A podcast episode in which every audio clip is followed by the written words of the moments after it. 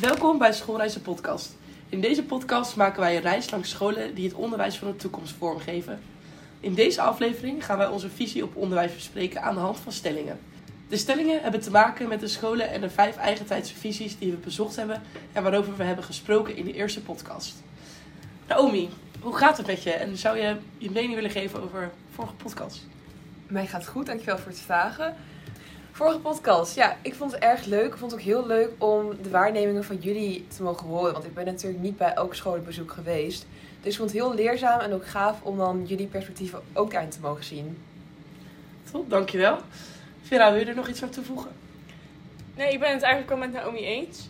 Uh, en ik heb ook zin om vandaag over onze eigen visies te praten. En ik ben ook benieuwd hoe jullie visie veranderd is door de schoolbezoeken. Oké, okay, top. Nou, laten we beginnen met de eerste stelling. Um, ik zou op een school willen werken met unitonderwijs. En bij unitonderwijs worden reguliere klassen vervangen door units van 70 à 90 kinderen ongeveer. Hoe denk jij daarover? Nee, ik ben het niet eens met die stelling. Want het lijkt me best wel lastig om te kunnen functioneren met al die prikkels in, in het unitonderwijs. En hiervoor wist ik eigenlijk niet eens wat unitonderwijs was. Dus ik had, had ik hier ook geen mening over. Maar ik zou het wel een keertje willen proberen om echt definitief te weten of ik het wel of niet zou willen. Ja, ik zou eigenlijk wel hetzelfde in. Ik heb eigenlijk ook niet zoveel met unitonderwijs. Ik vond het op een schoolbezoek waar wij waren, vond ik het erg mooi toegepast. En je zag ook wel echt dat er positieve effecten in zaten. Zoals contact tussen docenten onderling gewoon echt supergoed. En je zag ook dat het bijdroeg aan de zelfstandigheid van leerlingen. Maar ik denk zelf dat ik toch liever in een kleinere klas zou lesgeven. Omdat ik het toch wel fijn vind om dan mijn eigen klas te hebben. En ik denk inderdaad ook dat het voor mij een, een domein of een groep met 70 à 90 leerlingen best wel veel prikkels zou geven. En dat is gewoon niet echt iets voor mij. Ja, ik ben het eigenlijk wel eens met de stelling. Ik zou wel graag op uh, unitonderwijs lesgeven. Um, vooral ook uit het oogpunt voor de leerlingen, omdat ik denk dat het voor de leerlingen heel voordelig kan zijn. Doordat er veel meer docenten rondlopen die ook samenwerken. En um, dus ook meerdere docenten zijn die naar één leerling kijken. En ik vind zelf samenwerken ook wel fijn. En de manier waarop er gewerkt wordt, dus best wel um, ja, op iedereen's eigen niveau, wat wij hebben gezien op de school, vind ik wel heel belangrijk. Dus ik zou wel graag op een school met unitonderwijs willen werken, mede door wat we hebben gezien op de schoolbezoeken waar we zijn geweest. Ja, ik, uh, ik zou ook wel graag binnen unitonderwijs willen werken. Ook op mijn stageschool uh, wordt gewerkt met unitonderwijs. Um, en dit ervaar ik als zeer positief. Ik merk dat uh, leerlingen goed met elkaar kunnen omgaan en meer, ken, meer leerlingen kennen dan alleen hun eigen klas. Je leert daardoor ook met meer kinderen omgaan. Um, en kinderen met verschillende talenten ontmoeten elkaar en werken samen. Er wordt veel groepsverbroken gewerkt. Um, dus als er een keer een project is wat iemand leuk vindt om te doen, kan die ander daar aan meedoen. Um, terwijl het in jouw eigen klas anders bijvoorbeeld niet zou worden aangeboden. Dus dat vind ik wel heel erg interessant aan uh, unitonderwijs. Al denk ik wel dat kinderen die veel structuur nodig hebben, niet passen binnen unitonderwijs en uh, beter naar reguliere klassen zouden kunnen gaan. Ja, ik denk inderdaad dat het niet voor alle leerlingen geschikt is. Um, maar dat er ook zeker leerlingen zijn die wel veel beter presteren binnen unitonderwijs en zich daar fijner voelen dan uh, in een klas met één of twee juf of meesters. Oké, okay, laten we doorgaan naar de volgende stelling. Um, werken met methodes is fijner dan zonder methodes. Vera, hoe sta jij hierin? Uh, ik vind methodes als leidraad fijn, maar ik ben niet voor alleen maar met methodes werken. Dus op mijn stage wordt uh, over het algemeen voor de leerlingen niet met methodes gewerkt, maar de sectie, de vakgroep, die gebruikt het wel als leidraad om het on onderwijs vorm te geven. Ik denk dat methodes daarvoor heel geschikt kunnen zijn. Um, maar dat de wat oudere en reguliere methodes niet helemaal mijn ding zijn. Uh, omdat ze best wel veel van de opdrachten uit het boek zijn en weinig activerende werkvormen, ben ik daar niet per se voor. Maar het is niet per se iets slechts om het wel af en toe of een beetje te gebruiken, denk ik. Ja, ik ben het eigenlijk mee eens met uh, Vera. Ik heb zelf ook niet zoveel met lesmethodes. Ook echt vanuit dezelfde punten die Vera heeft gemaakt. En daarnaast ook, het is voor een leerling ook niet heel fijn om alleen maar bijvoorbeeld invulopdrachten te maken. En het is dan toch wel fijn, vanuit uh, mijn perspectief als iemand die dan uh, later talen gaat geven, is het toch wel fijn als een leerling vooral bezig is met hoe pas ik dit toe in de praktijk in plaats van hoe maak ik hoe vul ik een woord eigenlijk in in een gat. En ik vind het zelf ook als uh, ja, stagiair vind ik het ook heel leuk om zelf ook die opdrachten te mogen maken. Op scholen waar, waar wij zijn geweest, waar leerlingen ook niet werken met methodes, of in ieder geval niet zo vaak als bij het reguliere onderwijs, zag je ook echt dat het voordelen had. En dat leerlingen daar ook positief op reageerden. Dus ik ben zeker tegen methodes om als uh, te gebruiken. Ja, ik ben het eigenlijk ook wel eens met uh, wat Vera en Naomi zeiden en met de stelling. Ik vind het wel fijn als een handvat, zodat je een beetje een richtlijn hebt. Maar de lessen kun je ook meer kindgericht maken um, zonder de methode dan met. En dat merk ik ook heel erg op mijn stage, want daar hebben we ook een, een, methode als houvast. Maar we werken over het algemeen wel zonder methode. En je ziet ook gewoon dat de kinderen daardoor veel enthousiaster zijn, omdat het ook meer kindgericht is. Ja, en ook uh, kindgericht is echt super handig en super fijn. En ook als je kijkt naar een theoretische perspectief, heb je het Context Language Integrated Learning principe, dus afgekort CLIL. En daar zie je ook echt bij dat um, als leerlingen werken met methodes of met leeractiviteiten die aansluiten bij hun dagelijkse ja, leefwereld en hun, ja, hoe ze het in de praktijk toe kunnen passen, zie je ook dat dat eigenlijk veel effectiever is. En op de lange termijn veel duurzamer en meer impact heeft dan het maken van opdrachten, opdrachten uit de lesmethode. Dus, dus ik denk dat er zeker voordelen in zitten om buiten de methode te werken. Ik ben het er zeker mee eens, maar ik merk ook dat op mijn stageschool, waar ze werken met leerlijnen, um, dat er toch ook alweer methodes worden aangeschaft voor bijvoorbeeld taal en rekenen. En bij rekenen wordt het vooral als uh, houvast gebruikt en maken ze eigen opdrachten daarnaast. En uh, taal gaat waarschijnlijk wel echt gebeuren via methodes dat je toch merkt dat je dingen ja, niet vergeet, maar dat je ja, toch achterkomt dat je sommige dingen niet hebt behandeld. Terwijl met de methode loopt dat gewoon geleidelijk en is het voor de kinderen misschien net wat makkelijker. Ik denk ook dat er zeker een verschil zit uh, in tussen de methodes. Dat er methodes zijn die wat meer vernieuwend zijn, die dus al meer gebruik maken van activerende werkvormen. En wat oudere methodes die daar nog niet zo in zitten. Dus ik denk dat daar ook zeker een verschil in zit. Ja, zeker mee eens. Ja, en het werken met methodes kan ook voor docenten verlichtend zijn qua las. Want waren wij ook bij schoolbezoek geweest en daar werken ze eigenlijk eerst met hun eigen ja, ontwerpen voor tekenen. En hebben ze toch wel weer de methode aangeschaft, omdat het voor docenten anders gewoon te inspannend was. Dus ik denk ook wel dat de methode toch wel fijn is voor docenten om wat verlichting in hun taken te hebben ik denk dat een afwisseling daar ook wel soms fijn in is. Voor, zowel, voor zowel de leerkracht als voor de leerlingen. Uh, want dan wisselen ze af met de wat leukere dingen, waardoor ze die ook wat meer waarderen, merk ik heel erg. Maar dat ze ook gewoon het reguliere krijgen. En voor de leerkracht is dat ook fijn, omdat je dan toch je creativiteit um, kan uiten. Zowel de kinderen als de leerkracht. Maar tegelijkertijd ook dat het niet altijd zo stressgevend is als je superveel nieuwe opdrachten moet bedenken. Oké, door met de volgende stelling. Ik werk liever met vakoverstijgende projecten dan met vaste vakken. En met vakoverstijgend werken bedoelen we dat meerdere vakken gecombineerd worden in één project. Omema, hoe denk jij daarover? Ja, het lijkt me eerlijk gezegd wel ook leuker en handiger. Ook omdat de kinderen soms wat minder doorhebben met welke vakken ze nou bezig zijn. En projecten zijn, um, wat ik heel erg merk, vaak leuker voor voornamelijk de kinderen um, dan gewoon simpel taakjes en alle vakken apart. En uh, wat ik ook merk is dat ze daar, daardoor vaak meer uh, enthousiaster zijn. Ja, en ik denk ook dat het voor de leerlingen echter wordt. Uh, omdat best wel veel vakken vrij abstract zijn als ze los van elkaar gegeven worden. Maar zodra je meerdere vakken kan combineren, kan je natuurlijk veel meer doen eigenlijk. Wat ik ook uh, heb gezien bij een van de schoolbezoeken, was dat door het werken met projecten de leerlingen eigenlijk gemotiveerder, gemotiveerder raakten.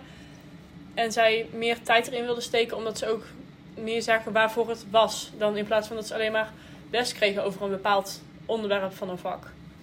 Ja, en ik denk dat leerlingen ook een beetje eigenaarschap kunnen krijgen in hetgeen waar zij over leren. Kijk, dus niet dat ze echt vrije onderwerpen af en toe of altijd kunnen kiezen. Maar het is toch wel fijn dat stel je hebt een project dat bijvoorbeeld gaat over een periode uit de geschiedenis. Dat je ook kan kiezen van bepaalde aspecten om daar juist onderzoek naar te doen. En dan die uh, onderdelen te kiezen die jij leuk vindt als leerling. En niet iets hoeven te doen omdat de docent zegt van het moet, want het staat in het boek.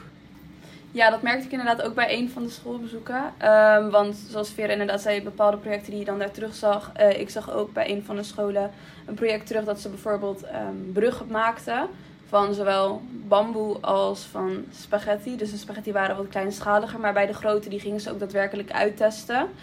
Ehm, en dan heb je toch te maken met een stukje techniek, gecombineerd met uh, NASC. Dus dan heb je inderdaad ook te maken met vakoverstijgende projecten. En die zijn dan voor de kinderen ook veel leuker.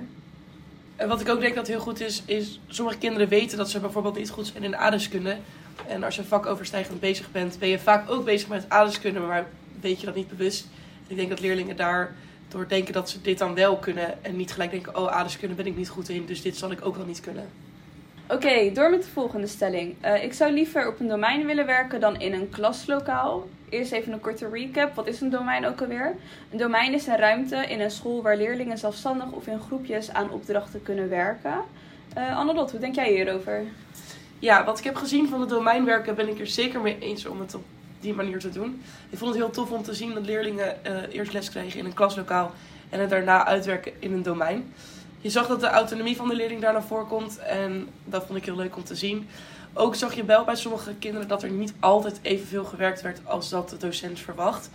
Uh, daar moet wel iets aan gedaan worden. Want dat heb je natuurlijk wel meer op een domein. Uh, als je meer zelf bezig bent, kan een leerling er ook voor kiezen om niks te doen. En als jij puber bent en je zit in de middelbare school, dan snap ik ook dat leerlingen daar wel eens voor kiezen. Um, dus daar zou wel iets voor bedacht moeten worden. Maar verder ben ik het zeker met domeinwerken eens. En vind ik de relatie die je dan met leerlingen kan opbouwen heel fijn en lijkt me goed. Ja, ik ben het zeker een deel met Annelot eens. Ik denk dat het heel fijn kan zijn om voor leerlingen na de instructie daar te kunnen werken. Ehm, maar ik weet niet precies wat de meerwaarde is van altijd in een domein werken. En ik denk ook dat voor docenten het niet altijd heel gunstig is. Um, omdat die leerlingen toch ergens anders zitten. Dus wanneer je nog kort iets wil bespreken, heb je niet meer direct het contact met leerlingen. Maar ik zie ook zeker de voordelen ervan in door het samenwerken um, met andere leerlingen. Ja, dat directe contact met de leraar, als je diegene nodig hebt, mist dan wel. Maar er is altijd een leraar op het domein die jou verder kan helpen. En dan is het misschien niet de leraar van het vak waar je mee bezig bent. Maar het is wel een soort coach die jou handvaten kan geven om de goede kant op te gaan. Dat vond ik wel heel mooi te zien. Dat ze echt zelf bezig waren, maar wel hulpmiddelen kregen om het af te maken. Ook al hadden ze niet de docent die bij dat vak hoorde. Oké, dat, wist ik nog niet. Maar dat is inderdaad wel uh, fijn om te horen. Ik sluit me volledig aan bij Annelot. Een domein zorgt voor relaties en de kinderen op een andere manier van werken te zien. En vaak laten de kinderen hun creatieve kant ook wat meer los op het domein. Uh, dus zijn ze ook wat meer in hun glorie. En dat vind ik heel leuk en interessant om te zien. Uh, en klassikaal, een klaslokaal of ja, klassikaal les zorgt toch wel wat meer voor autoriteit en gezag um, voor de leerkrachten. Wat over het algemeen ook van belang is. Um, dus, maar ik merk wel dat ik wat meer neig toch naar het domein toe dan naar uh, lokaal. Ja, ik moet wel zeggen, jullie hebben eigenlijk wel een beetje omgepraat. Ik had eerst iets van, nou, lesgeven op een domein lijkt me niet echt iets. Want ik vind die structuur in een klaslokaal eigenlijk wel heel fijn.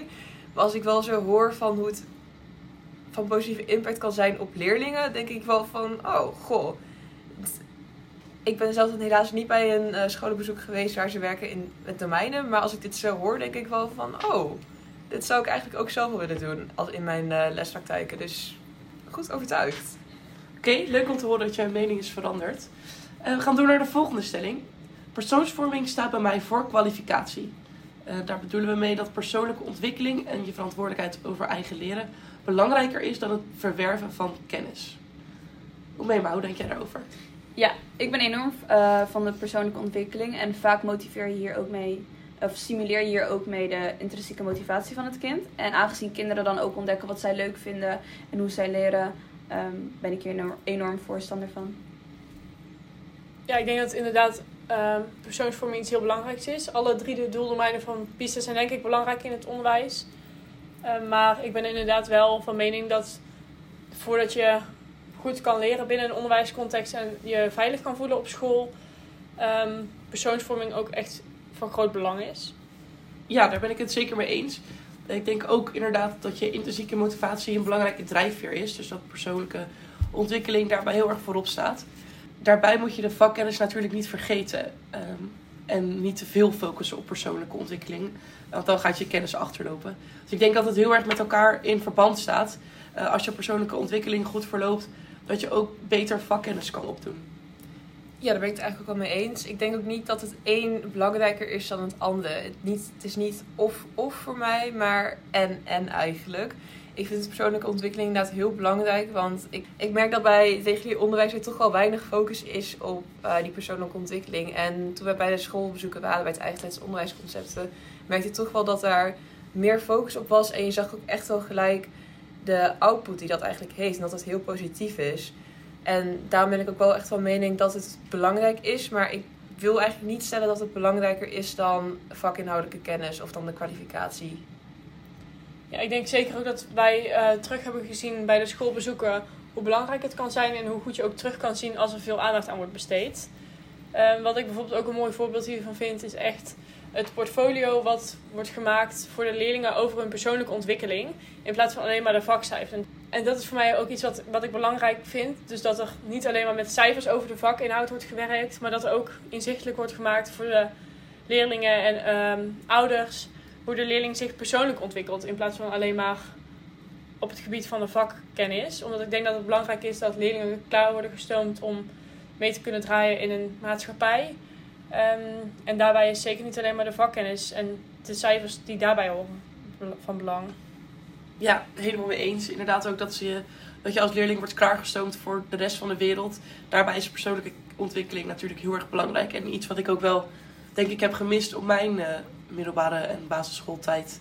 Daar had ik wel uh, fijn gevonden als er meer tijd aan was besteed. Ja, dat gaven ook de leerlingen aan die wij hebben gesproken op verschillende scholen waar er echt heel veel aandacht is voor persoonlijke ontwikkeling. Um, zij gaven ook aan dat in relatie met elkaar en met de leerlingen het eigenlijk heel goed liep. En eigenlijk iedereen wel met elkaar overweg kon. Omdat er heel veel aandacht was voor de ontwikkeling van ieder. En iedereen ook begrip had voor elkaar. En hier werden ook speciale weken voor georganiseerd aan het begin van het jaar. Om elkaar op deze manier te leren kennen. En dat is wel iets wat ik uh, heel belangrijk vind.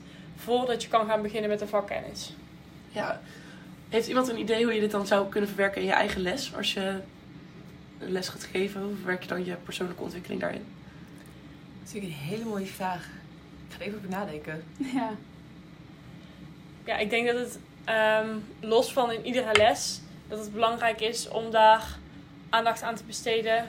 Um, in het algemeen als school zijnde. Dus dat het niet een taak is van een één docent alleen om het in de les te integreren. Maar dat het belangrijk is om hier als school een gezamenlijke visie op te krijgen en hier ook als school tijd voor te maken. Ja, ben ik helemaal met je eens. Ja, ben ik het ook inderdaad mee eens. En ik denk ook dat het van belang is om dan wel als docent ook leerlingen bewust te maken dat hun persoonlijke ontwikkeling echt essentieel is. En dat het niet alleen maar de resultaten zijn. Want ik denk dat je soms als docent nog wel eens de neiging hebt om te kijken van... Goh, ja, cijfers, dit, dat. Maar dat je dan eigenlijk de ontwikkeling die zo'n leerling meemaakt eigenlijk vergeet. En dat is zonde, want je ziet leerlingen echt groeien. En het is zonde dat ze daar eigenlijk niet op gecomplimenteerd worden. Dus ik denk wel dat dat wel vaker mag als docent. Oké, dan zijn we ondertussen alweer aangekomen bij de laatste stelling. Ik vind ruimte voor creativiteit belangrijk in de lessen. Wie wil hierop, zo. Wie wil hierop aanhaken? Ik ben zeker voor creatief, uh, ja, creatieve uitingen voor leerlingen tijdens de lessen. Niet alleen omdat leerlingen dan ook affectief betrokken worden bij hetgeen waarmee ze mee bezig zijn. Dus dat echt uh, kunnen handelen vanuit hun eigen interesses. Maar ook omdat creatief denken is ook gewoon... Het is goed voor je hersenen. Het zorgt ook voor dat je hersenen sneller kunnen nadenken. Dat je sneller buiten, het, buiten het boekje gaat durven denken. En dat je met creatieve oplossingen gaat komen. En ik denk dat dat wel echt van belang is in de maatschappij van tegenwoordig. Ik denk, ook dat creativiteit iets is waar je uh, in kan groeien. Zeker op jongere leeftijd nog. En dat vaak uh, mensen die het gemist hebben op een middelbare school er later ook moeite mee krijgen om sneller buiten de lijntjes te denken. Uh, dus dat het daarom ook belangrijk is om het meteen in de schooltijd van leerlingen te integreren. Uh, en mensen leren natuurlijk op verschillende manieren. Um, en het schoolsysteem is vooral gebaseerd op. Uh, het huidige schoolsysteem is gebaseerd op het uh, linksgeoriënteerde hersenhelft en leerstijlen voornamelijk. Waardoor vaak de rechtsgeoriënteerde, rechtsgeoriënteerde mensen vaak het gevoel hebben alsof ze wat slechter zijn in school. Dus leerstijlen zoals visueel en meer op gevoel en zo. Waardoor je ook wat meer creativiteit kan gebruiken en stimuleren. Ja, ik vind creativiteit zeker wel belangrijk. Uh, ik ben alleen niet zo heel creatief. En ik vind het ook altijd lastig om creatieve lessen te bedenken. Ehm, ik heb dit denk ik ook zeker wel gemist op mijn middelbare school. En als ik daar les over kreeg, dan moesten we iets maken waar ik dan geen zin in had. En kon je je eigen creativiteit ook niet echt in kwijt. Dus als ik een tip zou geven aan mijn oude middelbare schooldocent, had ons wat meer ruimte gegeven om te maken waar wij geïnteresseerd in waren. Ik denk dat je dan veel creatiever wordt en veel creatiever leert denken. En je creativiteit ook veel meer kwijt kan. Ik denk ook dat het heel belangrijk is om te onthouden dat creativiteit niet alleen van belang is bij beeldende vorming en um, dat soort vakken, maar dat het ook in andere vakken heel belangrijk kan zijn. Um, door op een andere manier te denken en op een creatieve manier te denken, kan je vaak tot andere oplossingen komen. Of bijvoorbeeld wanneer je een verslag moet typen en iemand wil er een filmpje van maken, is, valt ook onder de creativiteit.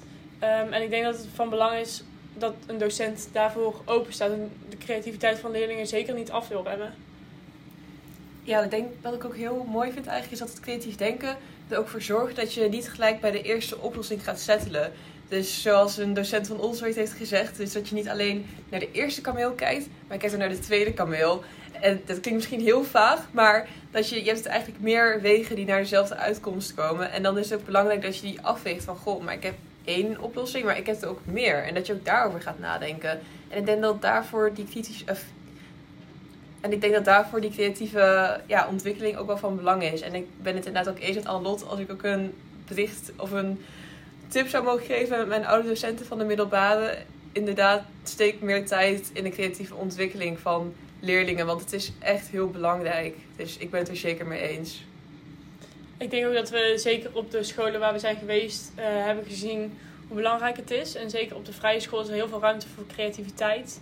Um, en niet alleen maar bij de praktijkvakken die ze veel hebben. Maar we hebben ook bijvoorbeeld gezien bij Engels dat ze een mondeling moesten ondersteunen met een poster die ze zelf um, in elkaar moesten zetten.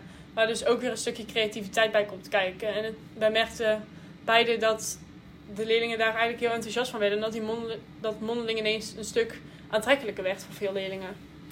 Ja, bij mij op de stageschool zie je dat kinderen mogen dan zelfs workshops geven, dus ook verzinnen. En ze komen echt met de leukste dingen, boekenleggers maken, uh, dansjes doen, echt van alles en nog wat. Komt echt vanuit de kinderen zelf. Eigen creativiteit mogen ze ook helemaal zelf indelen. Uh, leerkracht staat er wel bij, maar de leerlingen organiseren het echt. Het is echt super tof om te zien. Ja, en ook bij mijn stage merk je wel dat, er, uh, dat het echt een ontwikkeling is. Want zoals ik al eerder aangaf, ze zijn nog wel bezig met methodes, maar dat wisten ze af met wat creatievere dingen. En de kinderen zijn gewoon veel gepassioneerder met die creatievere dingen. Zoals voorbeeld, vorige week uh, mochten kinderen uit groep 6 dan een gedichtje in het Engels lezen. En daar moesten ze dan tekeningen bij schrijven, waardoor je dus zowel Engelse vaardigheden zoals lezen, uh, spreken en veel meer stimuleert.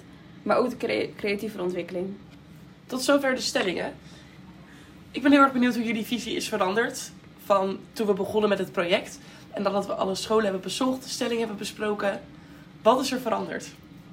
Uh, ja, ik heb heel erg geleerd dat voor, iedereen, voor ieder kind een ander onderwijsconcept het beste past. Want de een houdt meer van workshops, terwijl de ander weer van in een lokaal werken houdt. En de ander weer op het domein.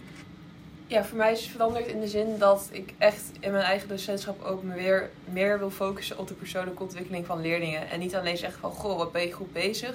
Maar dat het ook inzichtelijk wordt voor leerlingen zelf. En dat zij ook hier zich veel meer op gaan focussen. Ja, ik had van tevoren best wel een, uh, al een beeld van verschillende onderwijsconcepten en wat het in grofweg in, inhield. Maar je merkt ook dat als je daar op een school komt, dat je er anders over gaat denken. En ik heb ook wel een andere mening gekregen over verschillende onderwijsconcepten. Uh, ik had bijvoorbeeld nooit verwacht dat ik de vrije school zo leuk zou vinden. En nu uh, is ook mijn beeld wel veranderd over een soort school waar ik zou willen werken laten of stage zou willen lopen tijdens mijn opleiding. Ik heb zelf altijd op regulier onderwijs gezeten, dus ik vond het een heel interessant project om mijn ogen te openen. Ik heb echt heel veel verschillende dingen gezien en ik vond het super tof om meer kennis op te doen over wat er eigenlijk allemaal nog meer is dan alleen regulier onderwijs. Zo vond ik uh, unit onderwijs, daar loop ik dan ook stage. Echt heel erg leuk. Domeinwerken vond ik echt heel gaaf om te zien. Um, omdat leerlingen dan echt voor zichzelf werken, maar toch ook begeleiding hebben. Um, vakoverstijgende vakken had ik eigenlijk helemaal nog nooit echt over nagedacht. Maar toen ik het tegenkwam, dacht ik, ja, dit is, er, ja, dit is eigenlijk echt super tof om te doen. Omdat je dan met meer bezig bent dan alleen geschiedenis. Eh, ook merk ik dat ik best wel ben geïnspireerd door ook gewoon de dingen die ik terugzag bij de scholen. En dit wil ik zeker terug eh, meenemen naar mijn stage. En ook gewoon om het eigenaarschap meer terug te laten komen. Ja, wat ik ook tof vond om te zien is hoe bepaalde scholen waren ingericht. En dat ze echt zich inrichten op hoe hun visie is. Uh, dat vond ik heel mooi dat je dat echt duidelijk terugzag. Ja, ik denk dat we allemaal genoeg dingen hebben gezien die we zeker kunnen gaan gebruiken in onze eigen lespraktijk. Uh, en dat we allemaal heel veel hebben geleerd van de scholen die we hebben bezocht. En dat we dit zeker voor de rest van onze opleiding ook meenemen. Zeker weten. Ik vond het super interessant om met jullie deze podcast te maken. En bedankt voor het delen van jullie meningen. Um, tot slot, als je student bent en denkt... ik vond het echt heel interessant om te horen... ga gewoon een keer op schoolbezoek en open je ogen voor andere visies. En als je nou een school bent die dit luistert en denkt... wij hebben ook een vette visie... deze studenten moeten hier langskomen... neem vooral contact met ons op... En uh, wie weet komt er nog een nieuwe aflevering. Bedankt voor het luisteren.